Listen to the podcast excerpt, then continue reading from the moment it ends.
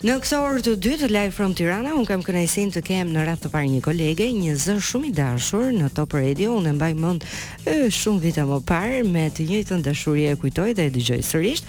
E kam fjalën për Jonida Liçkollin. Mirë se erdhe. Mirë se të gjej. Mirë se erdhe në shtëpinë tënde. për këtë fillim tëndin të ri, sepse ke shumë vite në radio, po flas për uh, pjesën e Live From Tiranës në Top Albania Radio. Kënaqësi shumë e madhe që jam këtu me ty. Për Folur për gjëra të bukura. Dhe kënaqësi edhe për mua sepse unë të mbaj mend pikërisht nga Live from Tirana vite më parë. Po. Kështu që prandaj të thash mirë se erdhe në shtëpi, jo vetëm se në Top Radio, por, por edhe, edhe në programin në programin me të cilin kam nisur në Top Albania Radio. Ka qenë një eksperiencë shumë shumë e bukur, pjesëmarrja fillimisht e imja në Big Brother Albania dhe mm. më pas menjëherë nisja në Top Albania Radio. janë uh, emocione që ti besoj mi kupton sepse vjen pikërisht nga radio, un radion e dua shumë edhe në momentin e parë që dëgjova që Jonida do të jetë pjesë e Top Medias, pjesë e Top Albania Radios, si thon këta tani, hmm. unë e fitova Big Brotherin tim. Po, në fakt e ke fituar se realizove një ëndër edhe një dëshirë që ti e ke pasur. Por do ta vazhdojmë këtë bisedë në rikthimin tënd pas ndër vite. Tani duhet të flasim për diçka të re. ke filluar një podcast të ri, mm -hmm. mua më pëlqen shumë edhe emri se është siç thuhet tani nga të rinjtë, catchy, një gjë që mhm. mbetet mm -hmm. edhe që të ngel në kujtesë, ku ke humbur. Pa. Po. E para të përgëzoj, jo vetëm për emrin, por edhe për formatin që ke përzgjedhur, edhe për të gjithë ata që po i rikthen edhe një herë, sepse në fakt kanë humbur prej disa kohësh, nuk kanë qenë më prezent në media. Por më trego pak se si të lindi ideja për këtë podcast.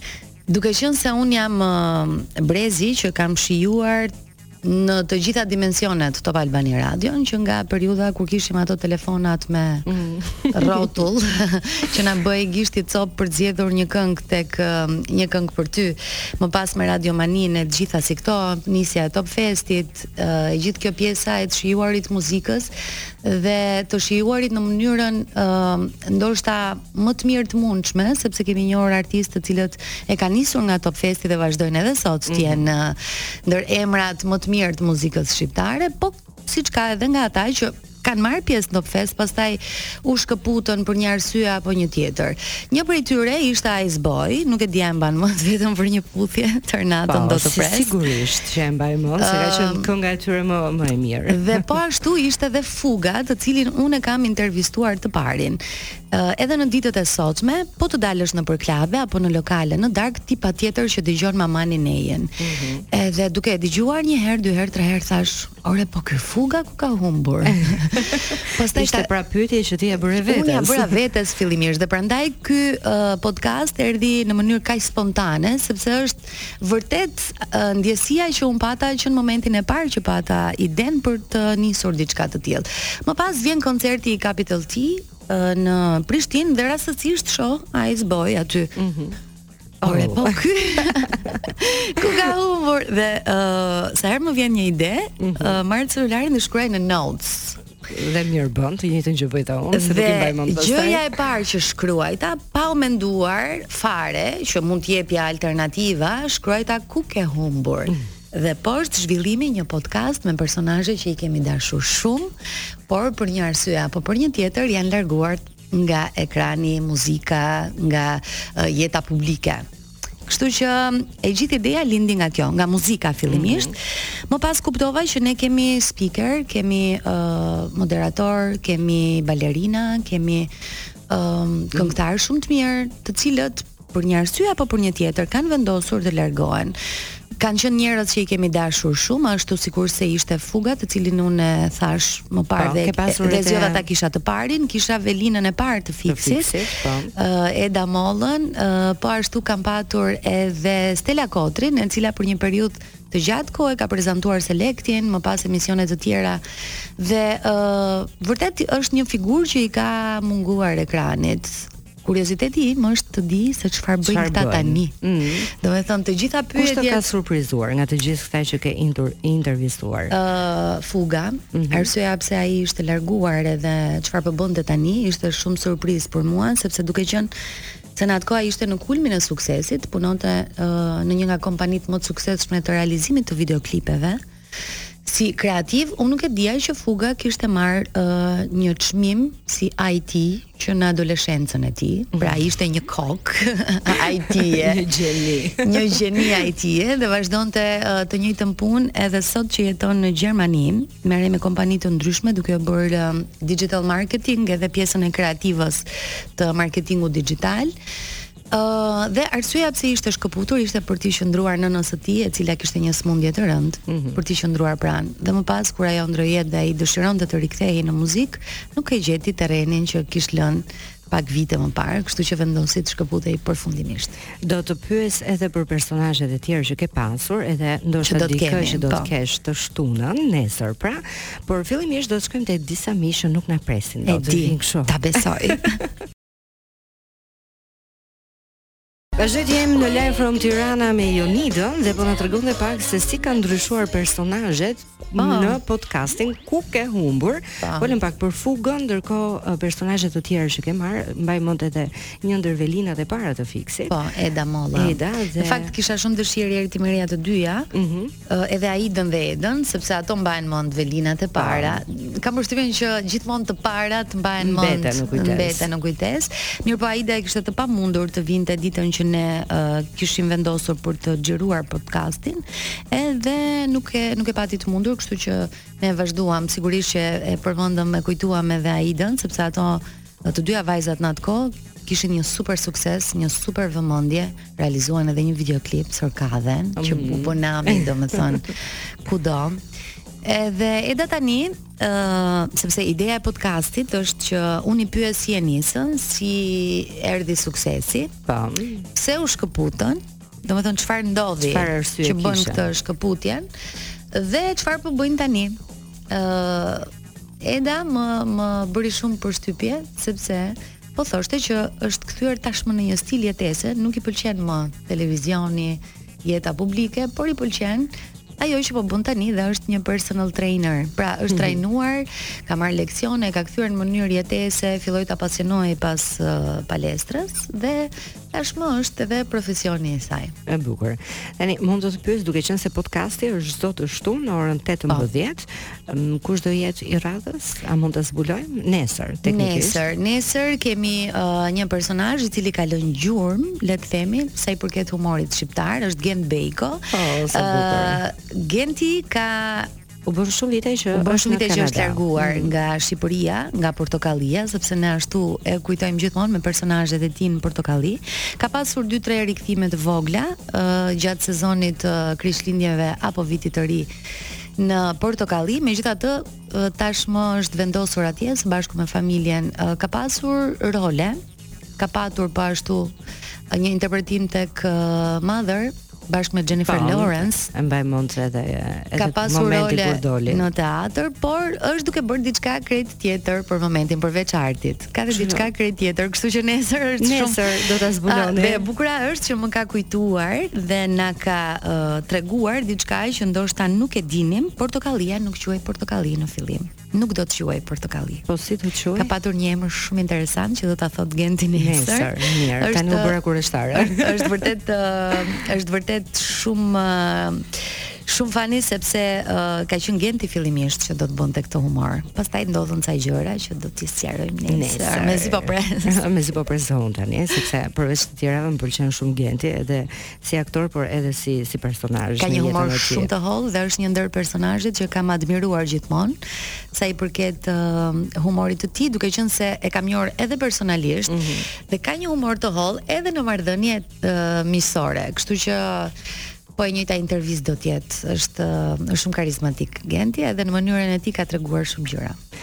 Ndërkohë, një gjë që mua më bëri përshtypje, edhe që më pëlqen edhe si zgjedhje, është që podcasti është bardhezi. Mm -hmm. videot të paktën për sa i përket anës vizuale. Përse kjo zgjedhje? Ëm, ehm, uh, duke qenë se unë po nxitoja të xhiroja Fugën, ai duhet të largohej në Gjermani, e kishte të pamundur uh, ishte në Kosovë e kishte të pamundur të vinte në Tiranë për ta bërë xhirimin në Top Albania Radio, dhe unë marr makinën dhe nisem për në Kosovë. Morëm atje një studio uh, podcastesh. Mm -hmm na dhan hapësirën e tyre për të realizuar këtë podcast. Mora dhe kapuçët e kapuçët e mikrofonit të Top Albania Radios dhe nisem për në Kosovë për të xhiruar Fugën. Ë uh, studioja atje ishte komplet uh, black me perde të zeza, sigurisht ata luanin edhe me dritat. Unë uh, i shkruaj Ledionit i them çfarë ngjyre do ta mbajmë se dhe më thotë jo, thjesht bardhezi. Rastësia bëri që Unë të isha veshur me të bardha, Fuga me të zeza dhe dukej aq bukur. Komplet, edhe pa e planifikuar, dukej shumë shumë bukur bardhezi dhe vendosëm që podcasti të ishte bardhezi. Është shumë i veçantë dhe kam parë që po pëlqehet shumë edhe në TikTok mm, varianti bravo. bardhezi. Shumë është shumë e bukur. Unë edhe personalisht po ashtu. Edhe sot e kësaj dite, pavarësisht se ka filma shumë të mirë, realizime fantastike, por kam prapë uh, një pëlqim të veçantë edhe nostalgji për filmat bardhezi, kështu po. që dhe i shkon bardhezia i shkon për vetë faktin ku ke humbur. Dhe ideja e Ledionit lidhej pikërisht me këtë. Do ta bëjmë pak retro, mm -hmm. sepse bardhezia të sjell atë ndjesinë retro edhe pse duket shumë bukur. Uh, sepse lidhet pikërisht me nostalgjinë. Kështu që kjo ishte, domethënë nuk u mendua që në fillim që ne do bëjmë një podcast bardhezi. Pra erdhi erdhi rrugës. Po kjo është e bukur, kur surprizat vijnë rrugës.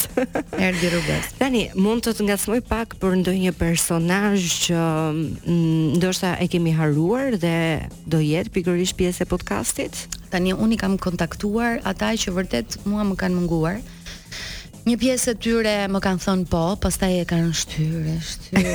Kjo është një pjesë e vështirë. Shtyrë, po ti e di shumë mirë se ç'do të mhm. thotë të bësh një punë ku varesh nga të tjerët. Ëm um, janë disa, uh, unë kam kontaktuar edhe me Viagrën, mm, e gjeta. E gjeta. Fola me të, por dëshira e tij ishte që të mos rishfaqej. Pra, donte të mbetej. Besoj e mbani mend. Mm -hmm. MC Mimo, pa. Po. Viagra. ka qenë një ndër super hitet e Top Festit. Ë, uh, mendoja që do e kisha shumë të pamundur t'i gjeja këta personazhe, por kam patur kontakte, kam folur me ta. I vetmi problem është që disa prej tyre ndoshta edhe për punët që bëjnë tani, ë, mm -hmm. uh, pra një ish yeah. mis. Ja u izi. Ja u izi. I vëmendshë. Ndoshta edhe për punët që bëjnë tani, nuk nuk e kanë të mundur ose nuk na përshtaten oraret për për ta realizuar, por gjithsesi në biseda e sipër jam për t'ju sjellë një ish mis. Ta ta ta ta. Një ish mis që ka qenë shumë e bukur e suksesshme u largua nga ekrani, jeton jashtë. po jeton jashtë dhe është diplomate. Hmm, kjo është interesantja. Kush po. mund të jetë? kjo është interesantja. Domethënë ajo që mua më kuriozon më shumë është ajo që po bëjnë tani. Dhe kjo është e bukur në fakt, se që janë tërhequr, nuk janë më në vëmendjen e publikut dhe vazhdojnë jetën e tyre me një ëndërr po. ndoshta që e kanë pasur dhe, dhe e kanë realizuar më vonë, po. Ë uh, do të kemi një ish banore të edicionit tim të Big Brother, Mhm. Mund edhe ta zbuloj, e kam kesh sepse ne të njëshit vazhdojmë të jemi miq. Është Noçja. Oh. Uh, nuk dhe nuk e zbuloj se çfarë është duke bërë. Jo, unë di që është një piktore shumë e talentuar është, dhe më pëlqen shumë. Uh, kam parë disa punë mm -hmm. të mhm. saj dhe realisht më ka surprizuar për mirë. Është një artiste e vërtetë. Kështu që por um, po shpresojmë. Kështu që do të duhet të mbetemi të stacionuar të shtunën. Meqë jemi tek uh, Live from Tirana, uh, pse jo, të bëjmë dhe një thirrje, mund të më shkruani ose mund të shkruani në Top Albania Radio se cilin personazh do donit të shihnit mm -hmm. në një intervistë dhe të rikujtonit gjërat e bukura që ai ose ajo mund të ketë bërë në ekran dhe në muzikë. Kështu që mund ta mendoj dhe unë. Ndërkohë që unë mendoj, do të shkojmë tek një bashkëpunim, është kënga më e fundit e Enrique Iglesias, Fria. Tani këto momente Jonida unë dua të shfrytëzoj pak duke u rikthyer në kujtesë. Ne nisëm pak bisedën me fillimet e tua në Top Albania Radio, pikërisht me Live from Tirana, por um, si të ka lindur kjo dashuria për radion? Është e pashpjegueshme, mhm. besoj njerëzit që e kanë provuar dhe e dinë çfarë ndjesie të jep uh, radio, ë uh, më kuptojnë shumë mirë në këto momente. Është një energji e jashtëzakonshme që unë marr që në momentin që hapet dera për të hyrë në Top Albania Radio, nëse jam në ditën time më të keqe marr komplet tjetër ë uh, ndjesi mm -hmm. kur hyn në radio. ë uh, është një komunikim shumë intim mes teje dhe atyre që të dëgjojnë ka përgjegjësi shumë të madhe, por uh, më sjell dhe humor të mirë, duke qenë se një pjesë të mirë të programeve unë kam dëshirë t'i bëj edhe me me humor përveç temave serioze që trajtojmë aty. Tani si e kujton ditën e parë në mikrofon? Se uh, është një moment që nuk harrohet. Pak të... Po, unë kam filluar në Radio Plus 2 mm -hmm. në vitin 2005. Kam përshtypjen po, 2005 ose 2006. Duhet pyes Olti Currin se kemi qenë të dy në të njëjtën punë në 2005-ën. Ka qenë. Ë uh, dhe kam bër lajmet e çuditshme, por po. kam bër lajmet. Ë uh, Nuk do ta kisha imagjinuar ndonjëherë. duke, po, dhën lajmet. Unë kam dhën lajmet. Ë uh, i, i bëja se një gazetar mm -hmm. uh, ishte aty në turn, pra ti shkruaje lajmet, kokat e lajmeve që ishin fiks për radio dhe hyje n'transmetim për fleshet çdo një orë. Uh, më pas kalova tek një tjetër radio që bëja një program timin, quhej Eros uh, Eurostar, më duket po se po, u ka qen dikur. Ka qen dikur. Ë uh, aty bëja një program me muzikë. Ë mm -hmm. uh, Në 2008-ën pastaj futem në Big Brother dhe nga eksperiencat e mëparshme që kisha në televizion, në median e shkruar edhe në radio po ashtu, pra të dyja këto punë më kishin shërbyer që të më bëhej ë uh, një ofertë nga Top Albania Radio pas uh, përfundimit të rrugëtimit tim në Big Brother. Sigurisht që ishte një provë shumë e fortë sepse ti nuk po flisje më në një radio Mhm. Mm ë uh, çfarëdo. Ti ishe në Top Albania Radio, aty ku ke ëndërruar ë uh, të flasësh gjithë jetën tënde, që kur ishe në gjimnaz, sepse ka qenë uh, një nga gjërat e para që unë bëja kur shkoja në shtëpi ishte lë, lija çantën pasi kishim mbaruar orën e 6 të mësimit. Ë uh, sepse ishte ora 1 e pak dhe nga ora 1 e gjysmë deri në 2 unë do merrja telefonin për të zgjedhur këngën. Mërzitesha kur nuk e kapja, po gjithsesi duke bërë punët e shtëpisë, se ka qenë koha që prindërit i kishim në punë, unë isha vajza e madhe dhe bëja punët e shtëpisë duke dëgjuar Top po. Albania Radio, kështu që kam kujtime shumë të bukura me me radion. Ë uh, ishte një test i fillimit për mua, kam qenë shumë e emocionuar. Uh, ditën e parë të transmetimit ë uh, flisja shumë shpejt, nuk e di pse. Ëh, mm, ndoshta nga, nga emocionet, nga sikleti. ë uh, më regjistruan, nuk më thanë asgjë. Ma dhanë programin, thanë uh, dëgjoje në shtëpi dhe më thuaj nesër si t'u duk vetja. Po, dhe çfarë ndodhi? E dëgjova dhe thashë, kjo nuk isha unë. Pse? Flisja shumë shpejt. Nuk e di çfarë çfarë pata. Atëherë nuk dua që të mos jesh ti, Dua që të flasësh, ta ndjesh komplet uh, mikrofonin dhe gjithçka që ti thua dhe ndan me publikun. Nuk ka nevojë të flasësh shpejt dhe duke t'u marrë fryma sepse nuk është më Nuk po të gjëmon dikush nga mbrapa. Jo, nuk, dhe nuk është më e domosdoshme që një mhm. spikere radioje duhet të jetë uh, po se u bë dhe pak me shpejtësinë e erës. Po secila ka stilin e saj. Pra, nëse flet Kozeta është Kozeta, ne dimë që flet shpejt dhe nuk ngatërrohet. Nëse e bëj unë dhe më merret fryma, nuk jam unë, mm -hmm, sepse unë kam një tjetër një tjetër stil të të folurit.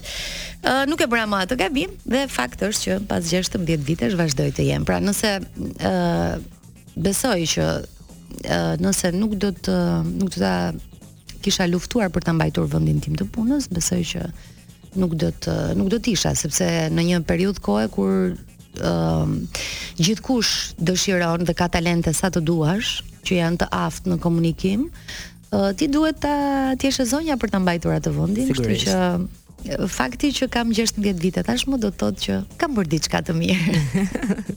dhe kjo është e rëndësishme, ke ke lënë gjurmë të mira dhe vazhdon të lësh dhe jam e bindur që do vazhdosh edhe në projekte të tjera kur t'i realizosh.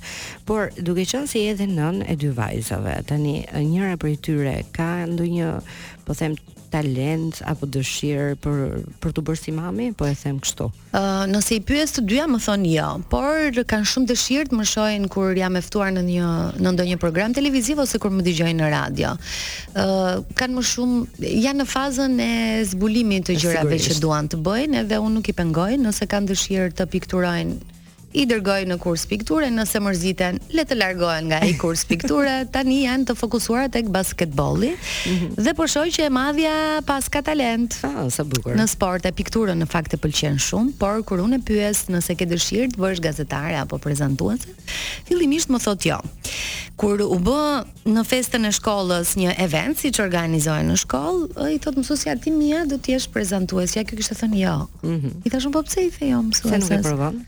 Duhet ta provosh se ti nuk e di a e bën dot apo jo. Është pak e ndrojtur në në fillim. E shkruam skenarin të dyja uh mhm. -huh. dhe prezantoi.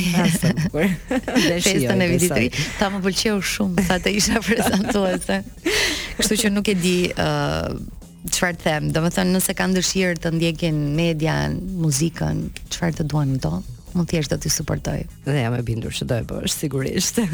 Jonida, unë dua të të falenderoj shumë që ishe me mua, shumë suksese në të gjitha punët e mira dhe të bukura që bën. Mos harroni nesër në orën 18 dhe çdo të shtunë ku ke humbur me personazhet tuaj të dashur. Ndërkohë ne do të shkojmë tek një bashkëpunim i këtij viti, është Jet Plan Rehab Vice